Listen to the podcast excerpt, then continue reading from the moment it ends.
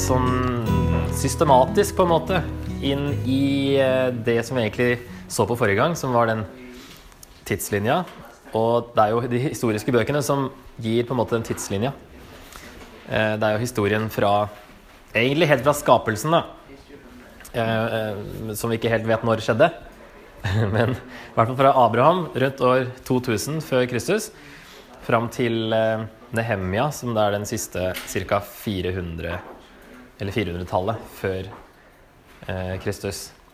Så det er den eh, perioden eh, som da Vi skal se litt på den sjangertypen nå, da, egentlig, med hva som er eh, litt kjennetegnet for de såkalte historiske bøkene. Eh, det er jo ikke de vanskeligste bøkene å forstå.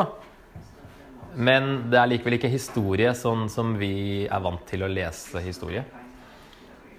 Det er jo noe mer enn det, da, siden det her er Guds historie. Det er jo hans eh, frelsesplan som utfoldes i de bøkene her. Og det brukes også andre virkemidler. Det er jo ganske gamle bøker.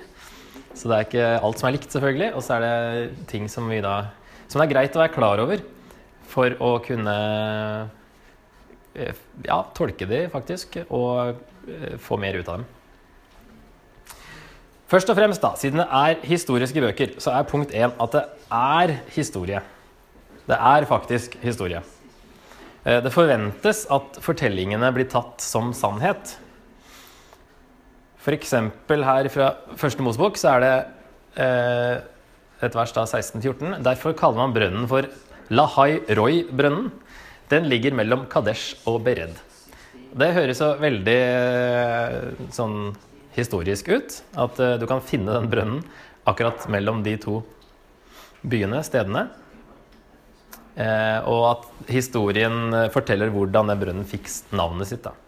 Så sånne ting, utgi, bøkene utgir seg for at det er, det er, historie som presenteres. Som en kontrast så kan vi se på en av de apokryfiske bøkene, Judith. Der det, den boka begynner med det var det tolvte regjeringsåret til Nebukadnesar, som regjerte over asyrerne i den store byen Ninive. Er det noen som uh, ser noe som er litt rart i den setningen? Det var vel gjerne ikke Nebukadnesar som regjerte over asyrerne? Nei, og heller ikke i Ninive. Han var jo kongen av babylonerne i Babylon. Og Ninive og det var hovedstaden i Asyrerriket, som var riket før. Så når en bok åpner sånn det her er, det er ingen feil. Alle visste jo at dette her aldri hadde skjedd. Så det må være en sånn herre At første verset liksom gir et hint om at det her er ikke historie. Det er eh, en sånn fortelling som kan høres ut som historie, faktisk historie, men egentlig så er det ikke det. Så du finner i hvert fall sånne eh, åpenbare feil, eller ja, så det er kanskje ikke ment som Eller det er kanskje ikke feil, men det er med vilje i, eh, i Judith. da. Mens i uh, Mosebøkene og i de historiske bøkene i GT så er det Det presenteres som at det er sannhet. At det er faktisk historie. Men så er det da punkt to at det er teologisk historie. Fordi altså, historie er jo et nyere gresk ord. Og bibelsk historieskriving er ikke moderne historieskriving. Det er heller ikke noe historieskriving som er helt objektivt. Det er jo alltid farga av historie, historikeren. Som da må velge ut hva han skal ha med, og som også tolker litt.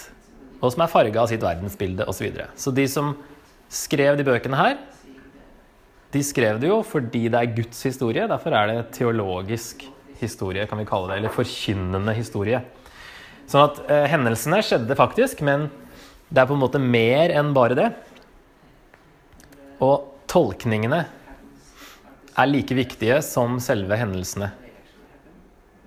Og da ser vi også skal se eksempler på det etterpå, at teologi er viktigere enn kronologi.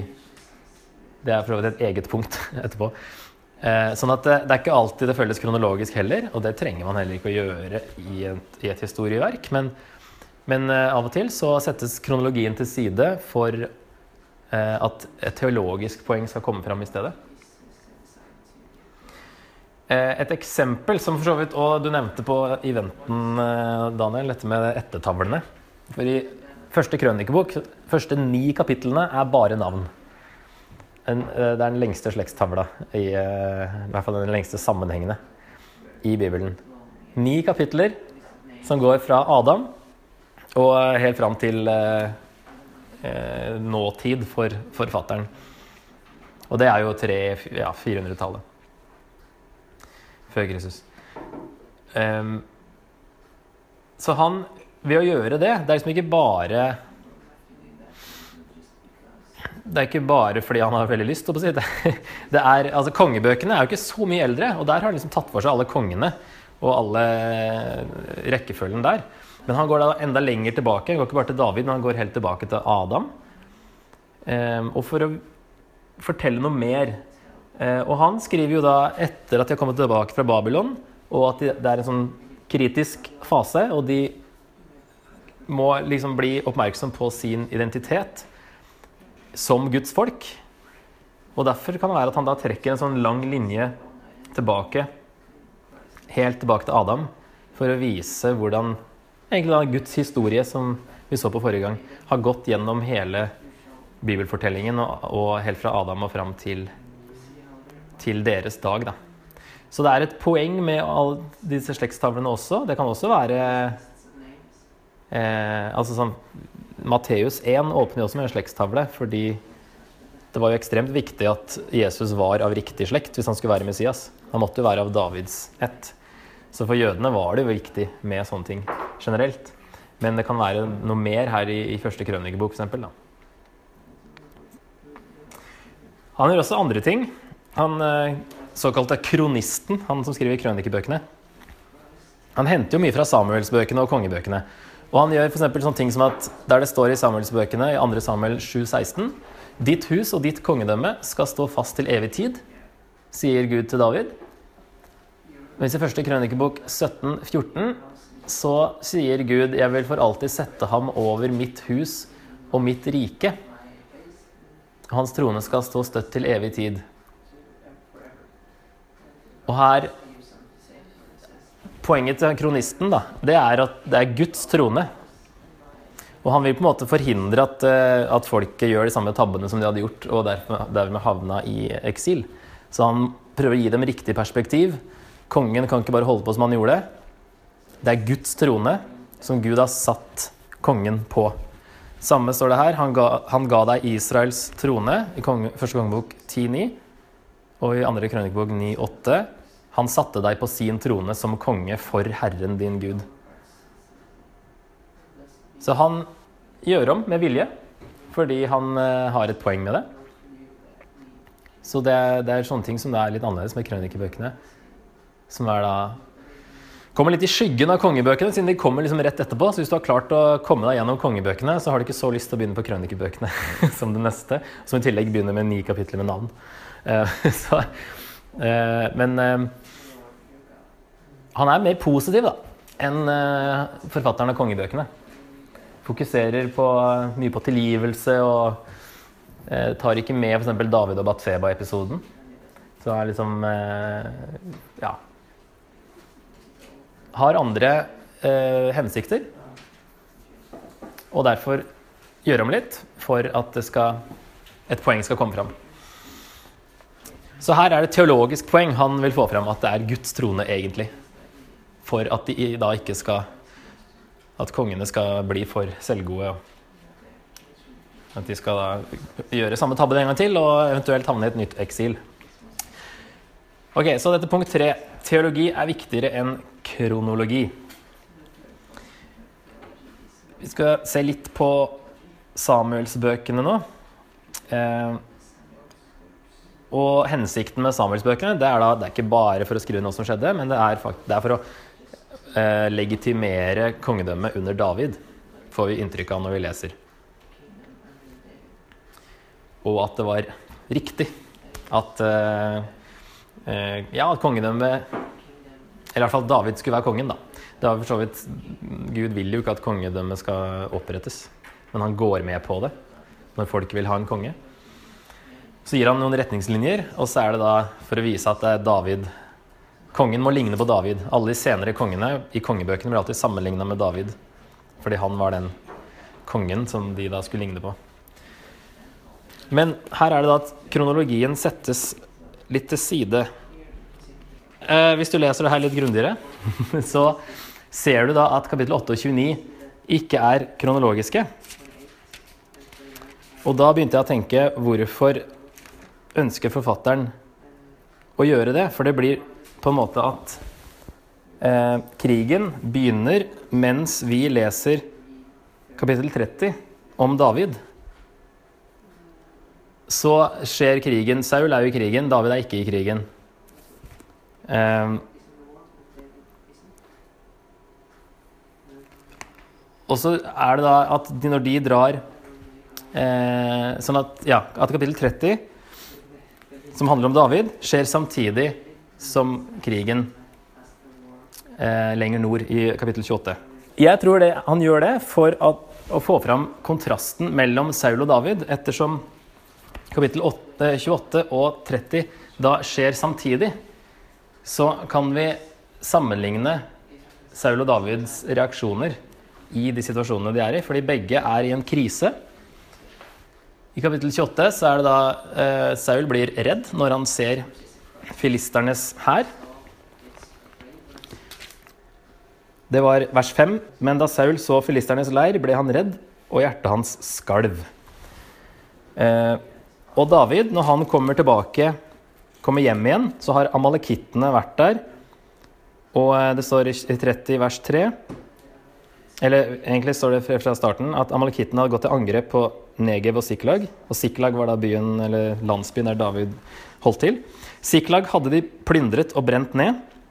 Kvinnene og alle som var der, både små og store, hadde de tatt til fange. De drepte ikke noen, men de drev dem foran seg da de dro sin vei. Da David og mennene hans kom hjem, var byen brent ned, og konene og sønnene og døtrene deres var bortført. De brast i gråt, både David og krigsfolket som fulgte ham, og de gråt til de ikke orket mer. Så det er to kriser. Saul er redd når han ser filisternes hær. David kommer hjem, og etter å ha reist i to dager er sliten, fortvila, og han blir til og med trua av folkene sine. Så i vers 6 selv, selv var David i stor fare, for krigsfolket truet med å steine ham. Så bitre var de alle fordi sønnene og døtrene deres var ført bort. Så begge er i en krise. Løsningen eh, Hvis vi går tilbake til Saul, så står det at han eh, i vers 28 vers 6 han ba Herren om råd, men Herren svarte ham ikke. Og derfor går han til denne spåkvinnen som det handler om da i, i uh, kapittel 28. Uh, mens på David så står det at han uh, siste, siste del av vers 6 Men David søkte styrke hos Herren sin Gud. Og så står det i neste vers at han sa til presten Ja, altså ba han Herren om råd i vers 8. Så han Begge søker i hvert fall, ja, Saul søker råd, David søker styrke. Deretter, når Gud ikke svarer Saul, så går Saul til en spåkvinne, som var helt feil. Og David eh, søker råd hos Gud. Men først søker han styrke hos Gud. Det er også veldig viktig å få med. At han går til Gud først uansett. Eh, kanskje bare for å få styrke, og ikke spørre direkte 'hva skal jeg gjøre'? Men han hadde en relasjon med Gud. Det egentlig kommer fram her. Amalekittene eh, når Det er en rar historie, det her med spåkvinnen, for hun får jo Samuel, nei, jo Samuel opp fra de døde. Og det, fortellingen virker jo som at det er faktisk Samuel som kommer opp fra de døde. Selv noe rart det høres ut. Og da nevner Samuel at Saul mista tronen pga. amalekittene. Og det er jo de som har eh, rasert landsbyen til David. Og David eh, følger etter amalekittene og fullfører da den Guds dom over dem som Saul skulle ha gjort tidligere, men som ikke gjorde det, og dermed mista tronen. Så det er også en parallell. Eh, der amalekittene òg dukker opp i begge.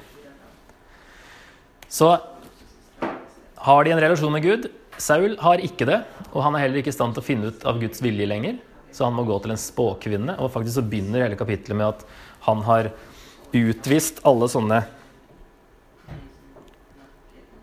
I vers 28 vers 3 Nå var Samuel død, Hele Israel hadde holdt sørgehøytid over ham, og de hadde gravlagt ham i Rama, hjembyen hans.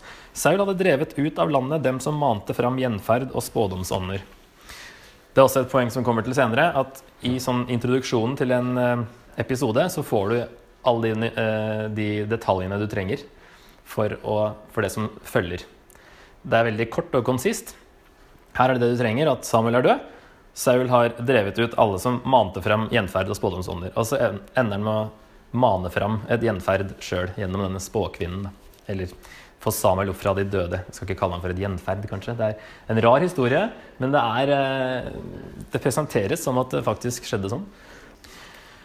Og eh, David han har en relasjon, og han søker stadig råd hos Gud, ser vi videre utover.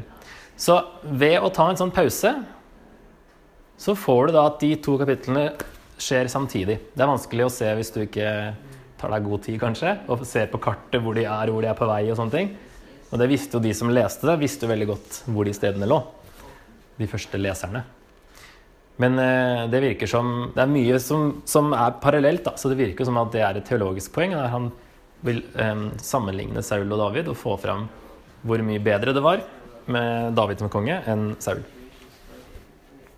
Så det er, glir på en måte over i punkt fire. Det er at det er en bevisst struktur eh, på disse bøkene. Eh, vi kan holde oss i Samuelsbøkene. F.eks. kapittel 24 til 26 i første Samuel. Det er jo kapitlene før de vi akkurat så på nå.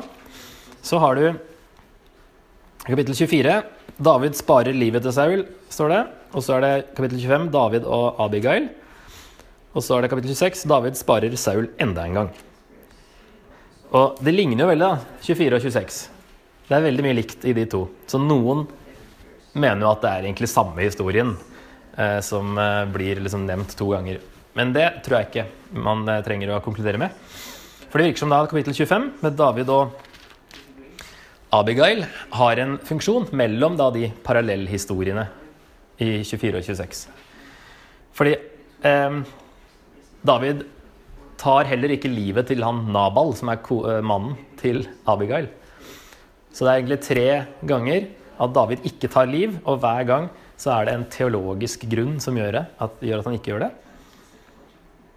Det er ting, steder, Maon og Karmel, som nevnes med han Nabal, som gir assosiasjoner til Saul. Steder som også nevnes i forbindelse med han. Sånn at vi kan Det ser ut som at kapittel 26 bygger på kapittel 24, og at det er en karakterutvikling hos David som er grunnen til at det er satt opp sånn. Eh, likheter da mellom Nabal og Saul det er at de begge var rike personer. Eh, begge nekter å anerkjenne David. Det er jo, ja, Dere får lese de historiene senere. Men det er eh, paralleller da mellom Som vi kanskje ikke ser med en gang, men som eh, kanskje andre har sett. De er isolert fra sine nærmeste. Ja, jeg får slå på de versene for å se hva jeg har ment med det. Jeg kan se ett av dem. 25-17 står det eh, Tenk nå etter å finne ut hva det skal gjøre, for ulykken henger over husbonden vår og hele hans hus. Men selv er han så ondsinnet, ondsinnet at ingen tør snakke til ham. Ja, det er egentlig sånn. Det er ingen som eh, Han er isolert fra sine nærmeste. Det er egentlig det det betyr. Eh, begge kaller David for Isai-sønnen. Altså Isai var jo faren til David. Og Saul sier også i kapittel 26 at han har vært uklok. Nabal betyr eh, noe samme som uklok. Det er ikke det samme ordet han bruker, da. Det hadde vært en eh, veldig åpenbar parallell om det var eh, samme ordet, men det er det ikke. Men han sier da at han ikke at han har vært uklok. Og det er jo Abigail som sier om mannen sin Nabal da, at han er eh, Ja, i vers 25-25. Bry deg ikke om den ondsinnede Nabal, herre, for som han heter, slik er han. Nabal, dåre, heter han, og full av dårskap er han, sier kona om mannen sin.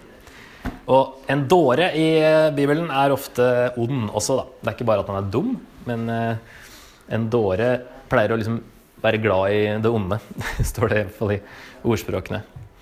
Så det er ting som, eh, som kobler Nabal og Saul. Sånn at hvis vi setter opp det her Så får vi kapittel 24. Da er det jo uh, David er inne i, uh, gjemmer seg inn i hula. Saul kommer inn. David, uh, altså Mennene til David vil at han skal drepe Saul, men han i stedet bare skjærer av en flik av kappen for å vise at han kunne ha drept ham. Og han angrer veldig etterpå, faktisk. Fordi han ville jo ikke legge hånd på Guds salvede, egentlig, som han sier. I kapittel 25 så har David tenkt å drepe Nabal, men stoppes av Abigail. David ser hva det hadde ført til, og er glad. Og så er det Gud som tar livet av Nabal i stedet. og når kapittel- kapittel 26 kommer, da, så vet David på forhånd at han ikke vil drepe Saul. Han angrer her, og der er han glad for at han ikke gjorde det. Ehm, så han har på en måte mer bestemt seg i kapittel 26. Så i kapittel 24 også er han, virker som han er usikker på hva som er rett å gjøre. I 25 så lærer han hva som skjer hvis han overlater det til Gud, og derfor er han sikker på at Gud vil ta seg av Saul i kapittel 26. Og Sånne ting går man veldig glipp av hvis man da tar en sånn der, et enkel konklusjon med at uh, det er to uh, kilder uh, det er samme historien beskrives. Når poenget Det er et teologisk poeng. Vi kan ta et eh, raskt eksempel til fra de siste kapitlene i andre Samuel. Skal jo ikke se så veldig på det, men det er, det er liksom, de er ikke kronologiske. Og så dukker de bare opp på slutten. Kapittel 24, nei, 21 til 24. Det er sånne episoder fra Davids liv som er tatt med helt til slutt. Eh, men da hvis vi ser nærmere på innholdet, så ser du en viss sånn struktur som de kaller det for en kiasme. Um, at det er seks eh, historier som korresponderer. Første og den sjette, den andre og den femte, og så den tredje og fjerde. Du har først Guds vrede mot Israel, og den siste historien handler også om det.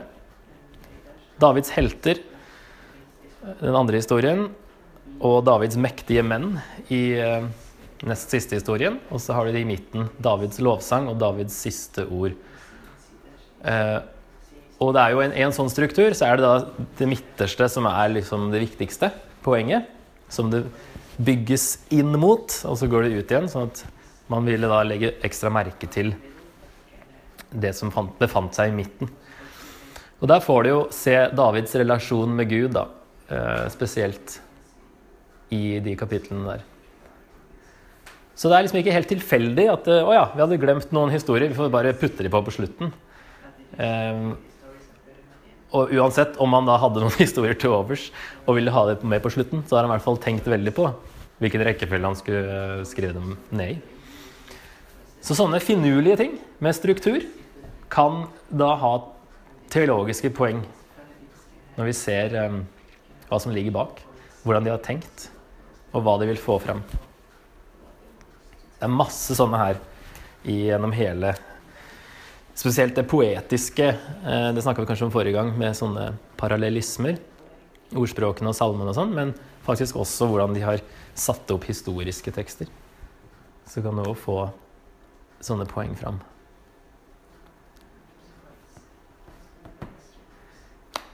Går det bra? Jeg har eh, et eksempel til. Det er egentlig veldig viktig sånn å, å se litt, dette her. I Nehemia, altså det er jo, Historien henger jo veldig sammen med Esra. Og det var trolig opprinnelig en, rull. Eh, der det er samme historie. Eller historien fortsetter i Nehemia. Og du må egentlig ha lest Esra for å forstå alt i Nehemia. Jeg tror de snakker bare om kongen uten å nevne hvilken konge det var, for det finner du ut i Esra. Eh, Så det er, eh, de henger klart sammen. Og det som er litt rart når du kommer eh, til i kapittel 7, så er muren Jeg tror den er oppbygd, eller nesten oppbygd. Jo, den er, den er ferdig. Men så kommer det plutselig kapittel 8 og 10. Da dukker plutselig Esra opp i Nehemia. Før historien i kapittel 11 fortsetter fra kapittel 7. Så det er plutselig en sånn, Hvorfor har han plutselig satt inn de kapitlene 8, 9 og 10? Når det egentlig flyter veldig bra fra 7 til 11. Eh, hva er poenget med det? Ehm, og det kan jo være Altså, muren er oppbygd med Nehemja, men så er ikke oppdraget ferdig med det. At folket må bygges opp og komme tilbake til Gud. Og det gjør Esra med å lese opp loven og sånne ting. Og så eh, må samfunnet, altså Jerusalem, byen, også gjenoppbygges før liksom alt eh, Før Gamletestamentet slutter, da, egentlig. Eh, men det, det virker som det er noe mer altså Fordi introduksjonen til Nehemia, når han ber helt i starten av boka, så ser det ut til å korrespondere med de kapitlene 8, 9 og 10. Det er ganske finurlig. og det er sånn som Paulus egentlig åpner brevene sine med. En sånn åpning der han toucher borti mye av det han skal snakke om utover i brevet. Det er en sånn, en sånn overtyre i operaen, der du får høydepunktene av, av det som du kommer til å høre senere. Så når han ber i kapittel 1 Vi har handlet ille mot deg og ikke holdt budene, forskriftene og lovene som du ga din tjener Moses, i 1.7, som vil da korrespondere med kapittel 8, med da Estra leser opp loven. Så i 1.9a Hvis dere vender om til meg, vil korrespondere med kapittel 9, at folket bekjenner sin synd. Og siste del av 1.9 holder budene mine og lever etter dem. I kapittel 10 så sier folk at de vil leve etter loven. Så det er i hvert fall én teori som jeg syns er veldig interessant. Fordi det forklarer jo litt eh, Eller det er sånne ting som vi ikke ser uten at vi eh, går grundig til verks. Men det forklarer litt hvorfor han har plutselig Igjen egentlig her eh, Ja, det kan være han setter kronologien litt til side her også. I hvert fall så har han avbrutt historien med å sette Esra plutselig inn i, i Nehemia. Hvem som nå satte det sammen til slutt.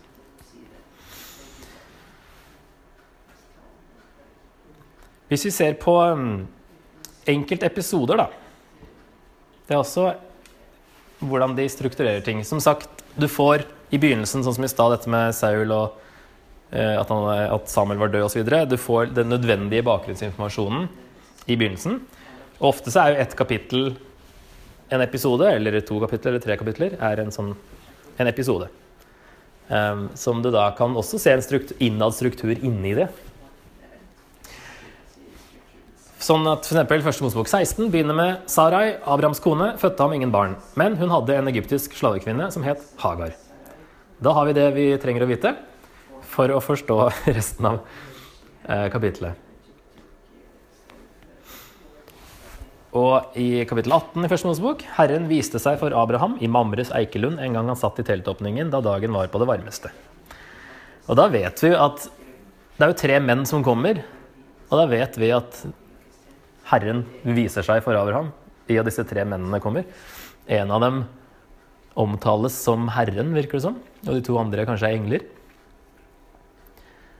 Um, sånn at uh, vi får liksom forklart hele starten at uh, historien som kommer nå, det er faktisk det er Gud som uh, viser seg. Ja, og så har vi den med, med uh, Samuel i stad. Så vi trenger ikke å lese hele den, men det var den med, med Ja, den går litt lenger enn det jeg leste i stad, men vi tok jo med det her også. Som har starten på den historien. Så du har en begynnelse der det gis veldig sånn uh, kjapt de viktigste tingene. Ikke masse sånn derre Det var en fin dag, og fuglene sang, og sola skinte, og sånne ting. Det er bare rett på sak, de få tingene du trenger. For det er jo egentlig historie, men det er jo ikke en roman, ikke sant? Det er historie. Men uh, de er kreative i fremstillingen, da. Og strukturerer og, og sånt også med bevisst. Så for oss høres det jo mer ut som en fortelling enn et historieverk. Men uh, det er på en måte begge deler. Det kalles jo begge deler. Så har du ofte da at du har i begynnelsen så har du noen forviklinger som skjer. Så har du en forandring, og så har du noen konsekvenser eller følger av det. Og så har du en sånn oppsummering til slutt.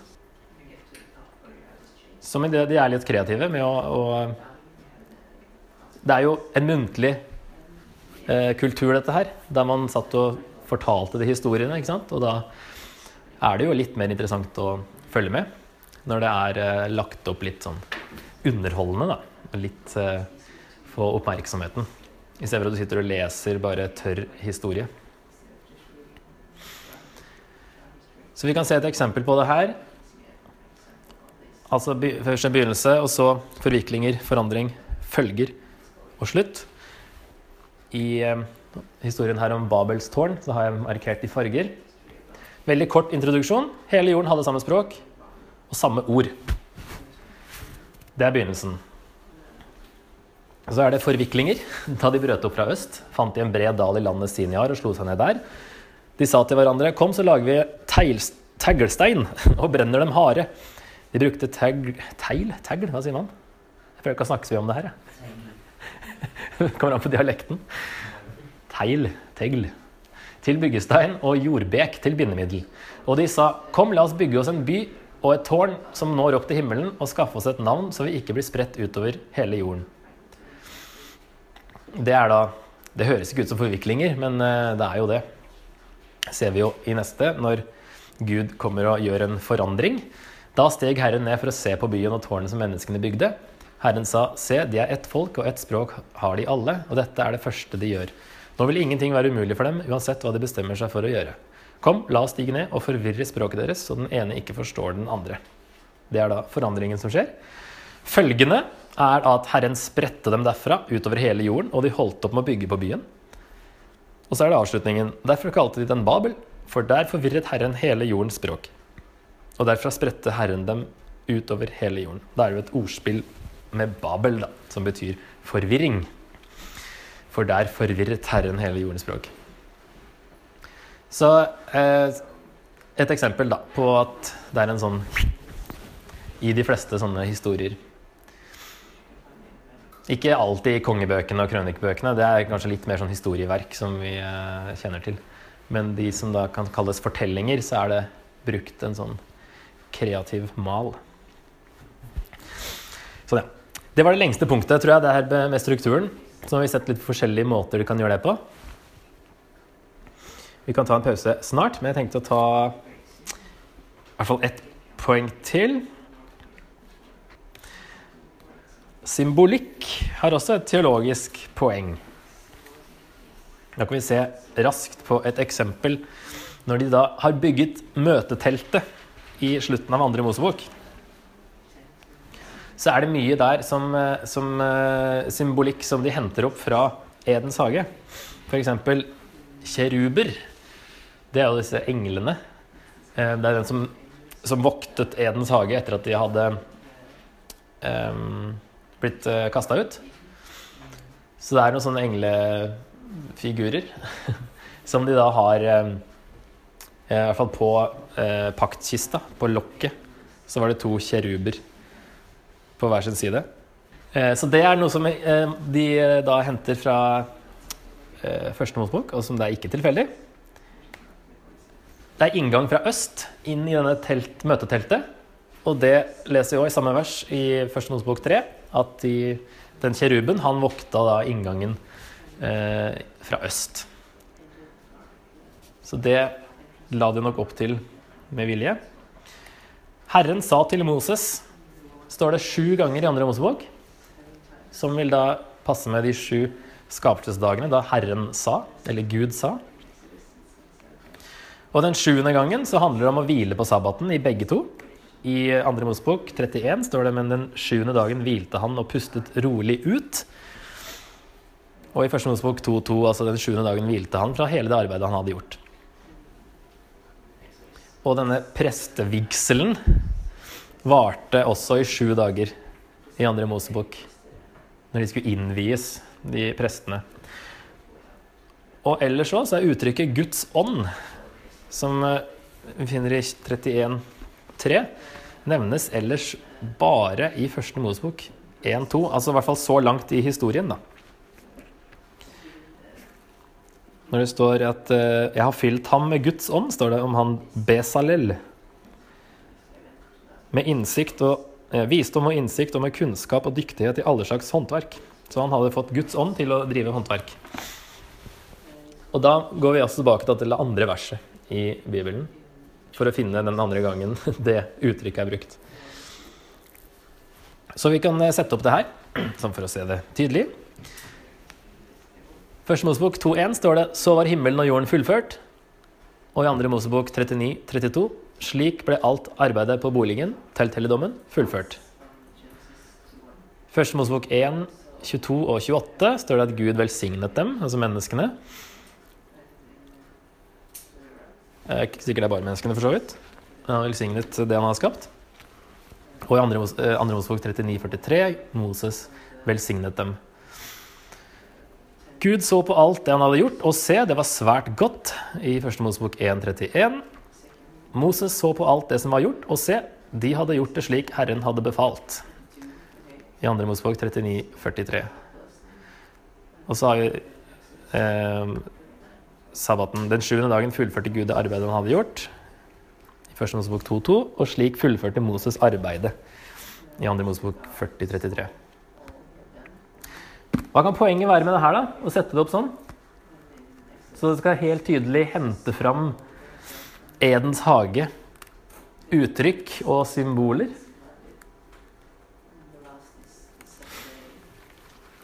Det er jo en veldig viktig hendelse da, som skjer i andre Mosebok med den telthelligdommen, der Gud bor Han vil bo midt iblant dem, derfor må vi bygge denne telthelligdommen. Derfor må de bygge den nøyaktig som Moses ser. Og han ser inn i himmelen hvordan helligdommen er der. Så bygger det en kopi på jorda. Sånn eh, miniatyr eh, Eller miniutgave av eh, Guds trone, på en måte. Det er der Gud er på jorda. Er inni det teltet. Derfor bruker de mye tid på å beskrive det i slutten av andre Mosebok. Fra kapittel 25 til kapittel 40 handler det om at Moses får instruksjonene. Så får vi på en måte en sånn pustepause med gullkalven midt inni. Og så er det alle de siste kapitlene om at de bygde det akkurat som Moses hadde fått instruksjonene. Så da gjentas alle de detaljene som var kjedelige første gangen. Gjentas da, så det blir kjedelig en gang til. Men for dem var det veldig viktig å vise at det ble bygd akkurat sånn. Og det er tydelig det kommer til senere, at det, det er viktig. Det som får mye plass, er viktig. Så når det er gjentagelser og masse detaljer, så tenker vi dette var kjedelig. Men så er det faktisk vi tenke egentlig, dette her var viktig for dem. Det er ikke sikkert det er like viktig for oss, siden det tempelet har blitt oppfylt da, i Jesus, eller teltet. Men poenget her er at Gud skaper noe nytt. Guds nærvær var her blant menneskene i første Mosebok 1 og 2.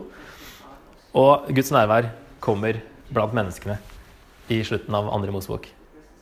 Så sånne ting, Det sies jo ikke helt tydelig, ikke men hvis du ser sånne eh, linjer tilbake, så skjønner du på en måte Det er nok det de har ment med å bruke disse uttrykkene og lage tydelige linjer tilbake.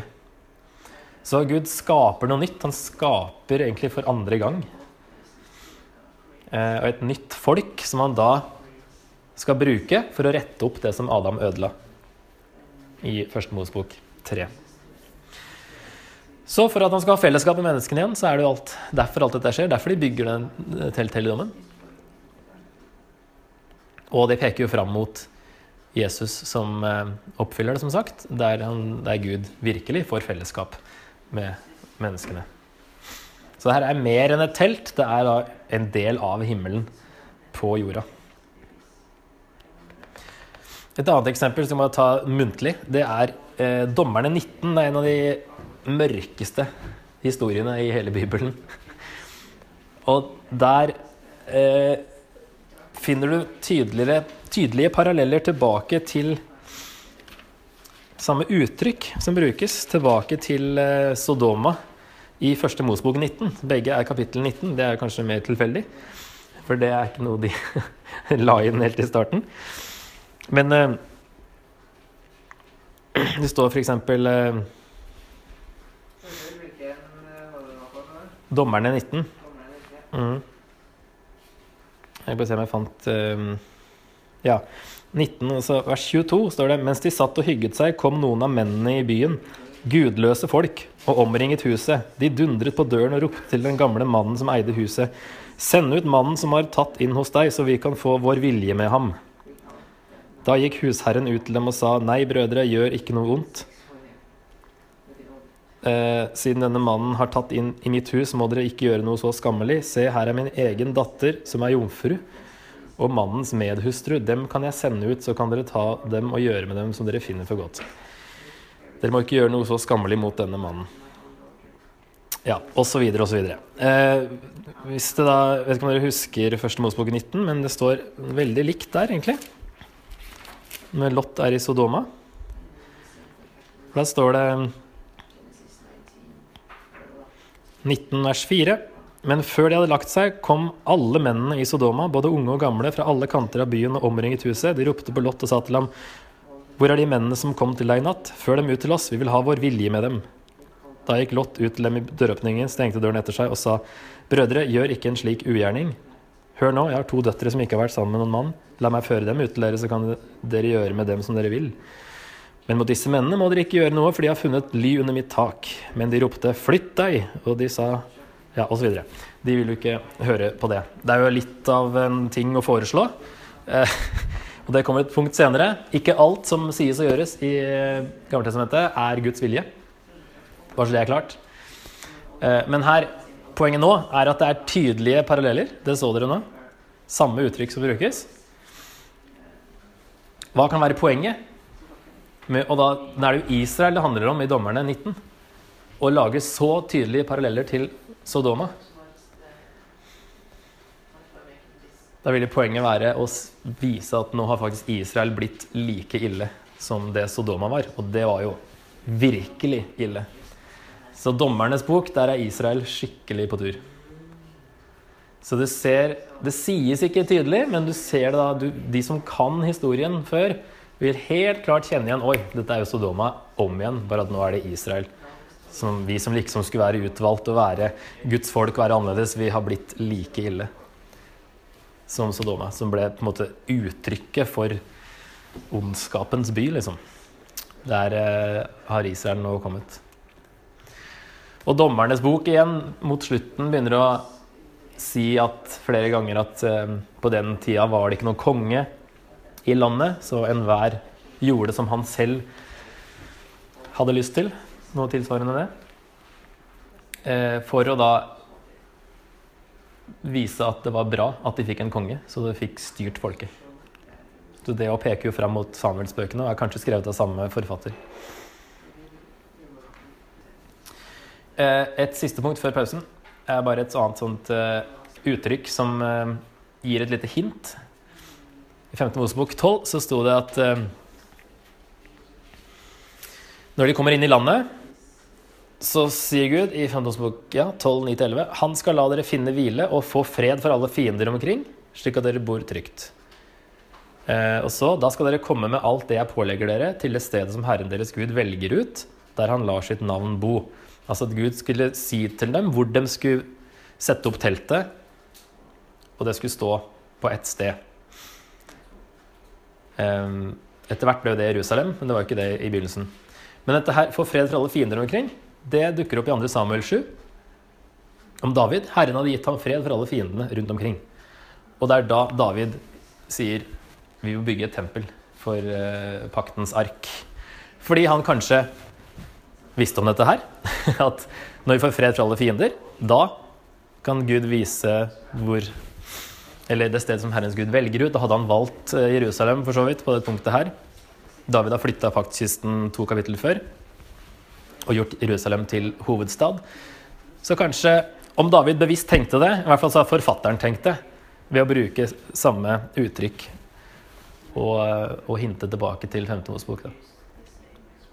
Så det sto i eh, Inne i Bibelen når jeg kjøpte den her, så var det med en sånn liten blekke som jeg ikke så på før i går.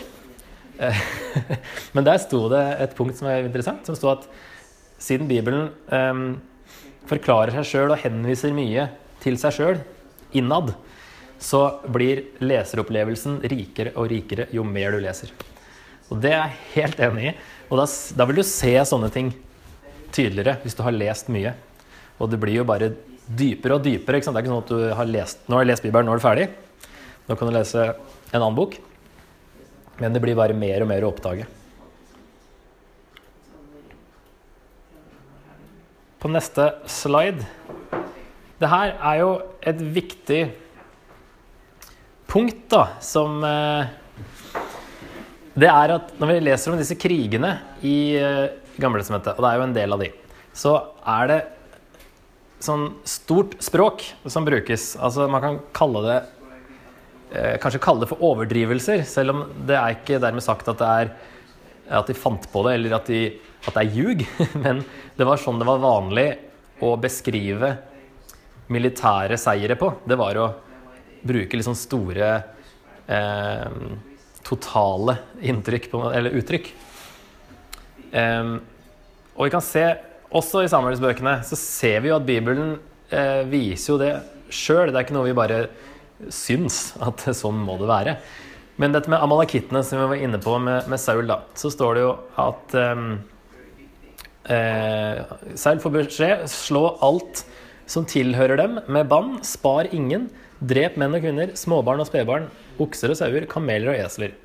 Det er jo et av de verste versene i Bibelen, egentlig. Det.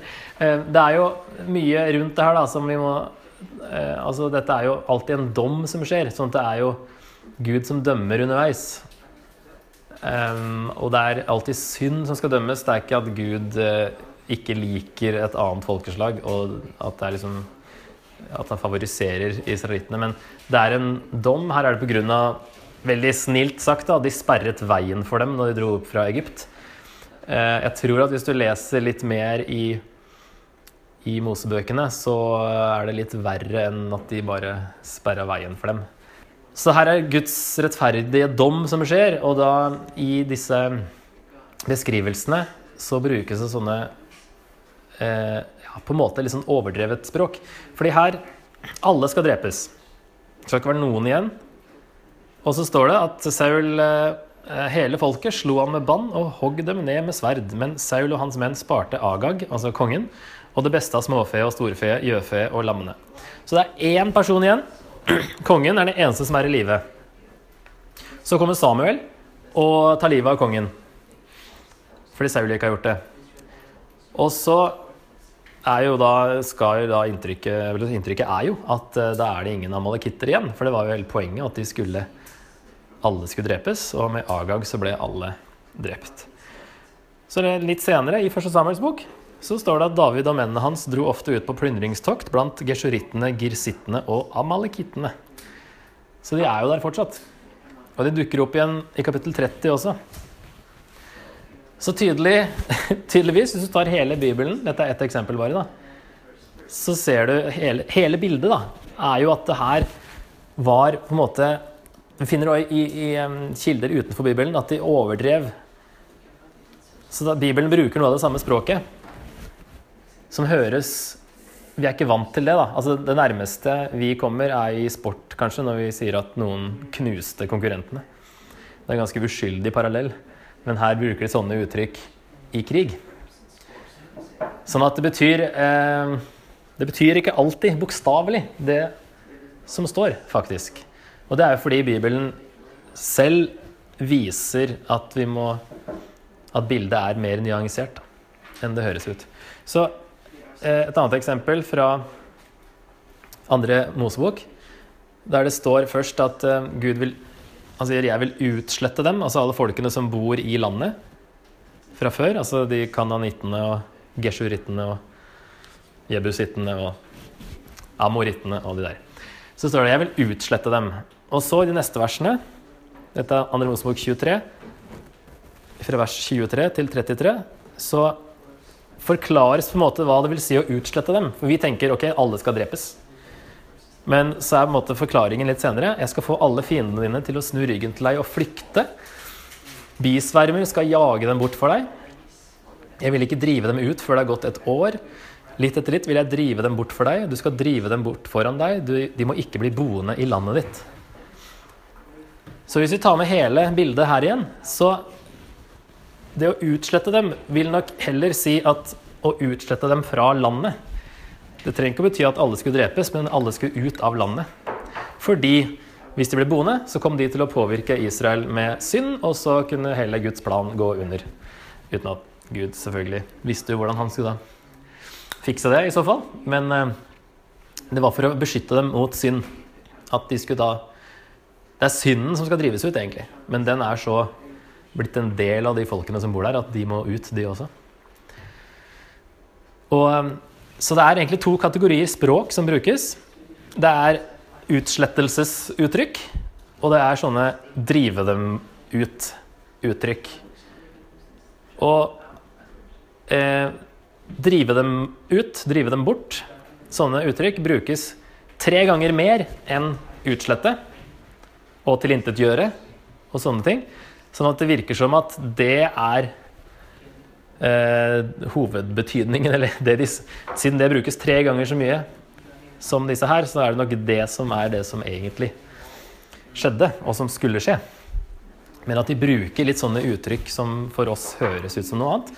Men igjen, hvis du tar hele bildet, så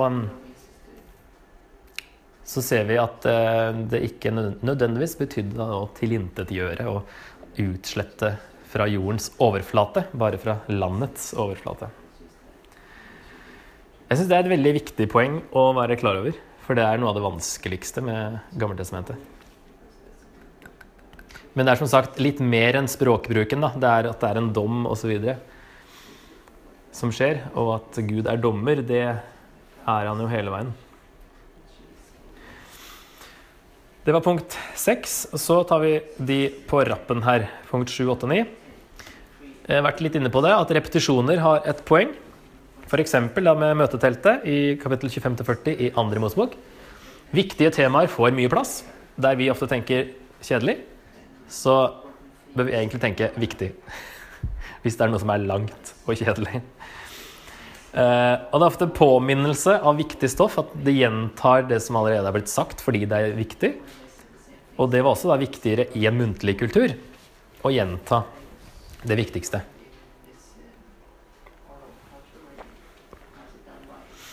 Så skjer det utelatelser. Uten at, uten at man uh, blunker, opp å si. Forfatteren bare hopper over noe og syns det er helt greit. Uh, det står i andre Mosebok 2, 1 og 2. Det var en mann av Levis hus som giftet seg med en levittdatter. Kvinnen ble med barn og fødte en sønn. Og det er da Moses. Men så er jo både Aron og Miriam eldre enn Moses. Vi får inntrykk av at Moses er det førstefødte her. Men de bare hopper over at Aron og Miriam ble født først, og så ble Moses født. Og de har samme mor og samme far, ifølge 4. Mosebok 2659. Så sånne ting, der da, det er Moses som er poenget, da hopper vi glatt over de andre. Trenger ikke å kommentere at han hadde to eldre søsken, for det er ikke relevant akkurat her. Så er det for så vidt altså Senere, når Aron dukker opp, så er han liksom bare broren din Aron. Så tydeligvis så visste folk at Moses hadde en bror som het Aron. Så ting hoppes over eh, og utelater. Det er også fordi man gjør prioriteringer da, når man skal skrive ned noe. Og så er det dette med at Gud menneskeliggjøres, såkalt antropomorfisme. At de bruker uttrykk som får han til å virke som et menneske. F.eks. også i Andre Mosebok, kapittel 2, vers 24. Gud hørte hvordan de stønnet, og Gud husket sin pakt. Da er det sånn herre Plutselig så legger han merke til at de er eh, slaver i Egypt. Og ja, ja, ja, jeg hadde jo en pakt med dem, jeg, liksom. Nå, og så er det liksom Ja, jeg hadde ikke huska på den hvis ikke jeg hadde hørt hvordan de plutselig stønna. Altså, sånne ting. Som du da senere, i kapittel tre, så sier Gud Jeg holdt, har holdt øye med dere og med alt som ble gjort med dere i Egypt. Så han har tydeligvis visst om det her, men at de gjør det her også litt sånn som fortellergrep, ikke sant? for det gjør det litt mer interessant og eh, underholdende da, når historiene ble fortalt. Så når Gud høres veldig menneskelig ut, så er det ikke sikkert det er bokstavelig heller. Men det er også sånn antropomorfismer.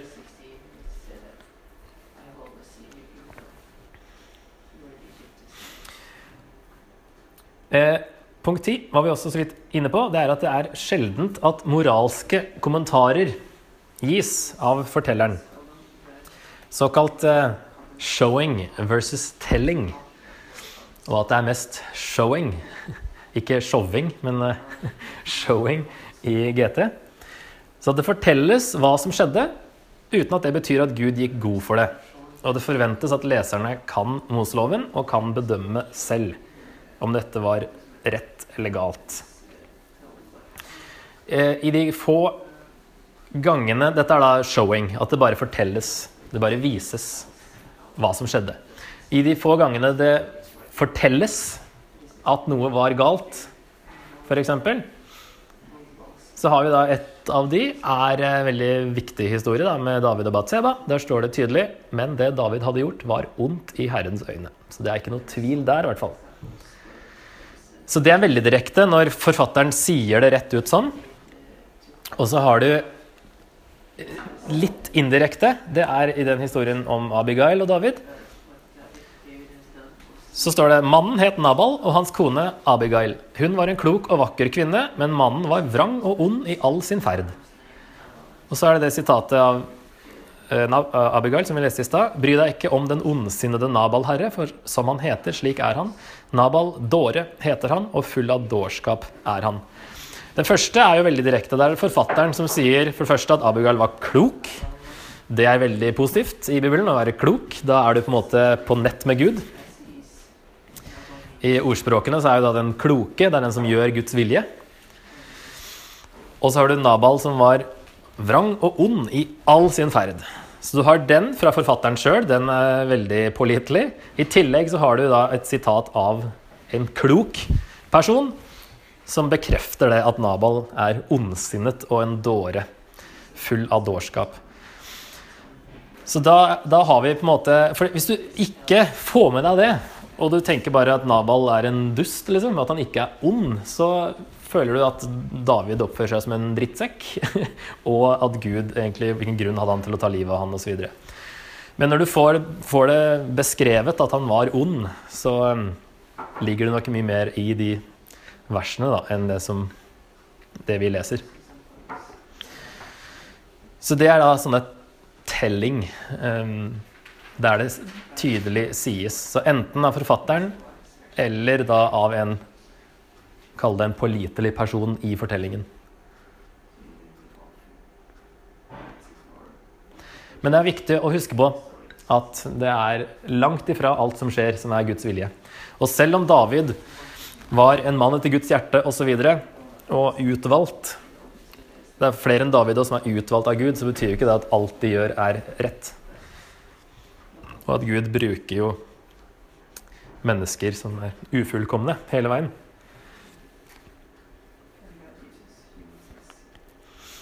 Det siste punktet Først kan vi se en kontrast til det, før jeg sier hva det er. å si.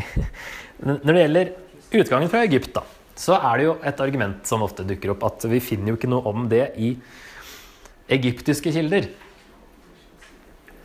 Ehm, det her henger jo også sammen med dette store, overdrevne språket. For det er jo helt naturlig at egypterne ikke ville skrive ned et nederlag. Det var det jo ingen som gjorde. Men egypterne spesielt gjorde ikke det fordi de hadde en veldig sånn spesiell oppfatning av det skrevne ord. Uttrykket for å skrive på egyptisk, da, medu netcher, betyr gudenes ord. Skrevne ord var gudenes menneskelige motpart og hadde dermed gudenes krefter. Egypterne trodde at hvis noe ble skrevet ned, kunne man få det til å skje flere ganger ved hjelp av magi.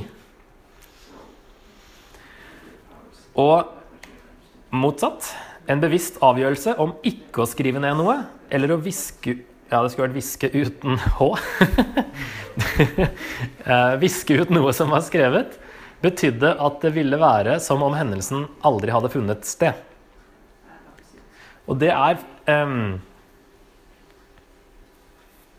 interessant eksempel er at det er en kvinnelig farao, Hatshepsut, som en eller annen har prøvd å eh, skrape bort ansiktet hennes fra sånne vegginskripsjoner ja, og andre historiske kilder. Prøvd å liksom stryke henne ut av historien. Kanskje fordi hun var en kvinnelig farao som en eh, mente ikke At det skulle ikke være kvinner som var farao. Eh, men det er kanskje noe sånt som har skjedd. Da. De har prøvd å, å få henne til å aldri ha eksistert. Så de hadde spesielt eh, god grunn til å ikke skrive ned utgangen.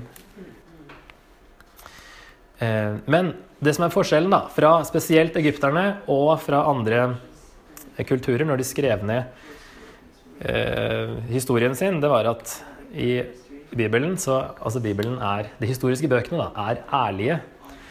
Og sannheten skal fram. Den dekkes ikke til. Det er ikke sånn at de Selv om han kronisten i krønikebøkene ikke tar med David og Batseba, historien, så betyr ikke det at han ikke tror den har skjedd, eller helt ser bort fra den, men han har en agenda for å da fokusere på andre ting. Men så her alt, altså Selv David, da, selv kongens eh, Den største kongen, hans nederlag skrives ned. Så selv David får gjennomgå. Og spesielt kongen ble jo alltid fremstilt positivt i andre kulturer. Og det er sikkert fordi det var kongen som fikk diktert hva som skulle skrives ned. Så han ville jo da bare fremstille seg selv så bra som mulig. Store forskjellene, grunnen til at de historiske bøkene i Bibelen er ærligere, det er jo fordi det er Gud som er helten, ikke mennesker. Og det er hans historie vi leser. Og Derfor kan mennesker fremstilles negativt. Fordi det er ikke de som er Det er ikke David engang som er eh, helten. I, eh, selv ikke i Samuelsbøkene. Så det er eh, veldig ærlig i forhold til eh, andre eh, historiske manuskripter. Sånn at hvis vi har noe som der du har Bibelen og en annen kilde som sier forteller om samme hendelse, så um, er det jo stor sannsynlighet for at Bibelen er uh, mer ærlig enn den andre i hva som skjedde. Men så er det selvfølgelig teologiske anliggender som vil òg farge historien. da. Så da, for de som ikke har fått med seg alle punktene, så har jeg satt de opp her til slutt. Det er jo ganske mye nytt, da, sikkert. Hvis man har tenkt at det er eh, grei skuring å lese historiske bøker i GT. Og man forstår jo som sagt hva som skjer. Men det er ting her som da vi kanskje ikke var klar over. Jeg har i hvert fall lært veldig mye av å sette meg inn i de historiske bøkene og se hvordan de f.eks. plutselig eh, endrer teologi, eh, kronologien for et teologisk poeng, eller Og tenke litt hva er det forfatteren har tenkt her, når vi kommer til noe sånt litt overraskende. Men strukturen syns jeg er veldig fascinerende. Som det kan forklare mange ting som vi kanskje tenker at dette var veldig rart. Så er det noe som er bevisst fra forfatteren. Så det er veldig finurlig, egentlig. Og de har tenkt nøye over hvordan de har satt opp ting, og hvordan de har skrevet det.